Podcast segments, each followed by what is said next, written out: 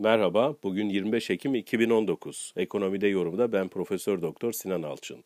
Dün Türkiye Cumhuriyet Merkez Bankası Para Piyasası Kurulu politika faizi olan bir hafta vadeli repo ihale faiz oranını 16.50'den 14 seviyesine çekti. Yani 250 bas puanlık bir indirim gerçekleştirdi Merkez Bankası. Son 3 toplantıda yani Temmuz, Eylül ve bu Ekim toplantısında Merkez Bankası toplamda 1000 bas puan yani 10 puanlık bir indirim gerçekleştirmiş oldu. Bu tabii oldukça yüksek bir düzey.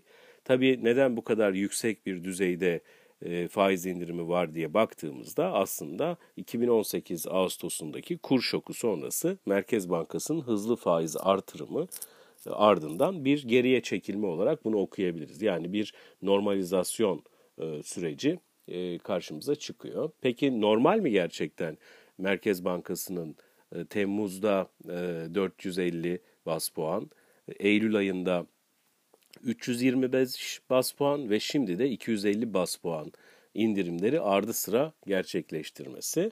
Bu tabii ki Merkez Bankası'nın nihai amacı olan fiyat istikrarı üzerinden okuduğumuzda aslında oldukça riskli e, bir davranış. Fakat burada Merkez Bankası neden bu kadar aceleyle faiz oranını indiriyor diye baktığımızda bir sefer hem e, enflasyon, yıl sonu enflasyon tahminlerinde ortaya çıkan gerileme, öte yandan tahvil ve bono faizlerinde dün itibariyle 13.9'luk seviye e, ve öte yandan swap faizlerinde de yine dün karar açıklanmadan önce %14'lük seviye aslında Merkez Bankası'na indirim için bir alan açıyordu.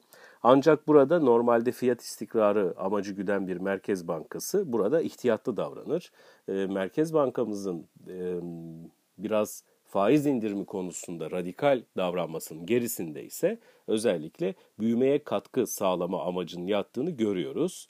E, nitekim faiz oranı indirimi sonrasında piyasada da kredi faizlerinin düşüşü ve ardından da yatırımlarda artış hedefinin öne çıktığını söyleyebiliriz.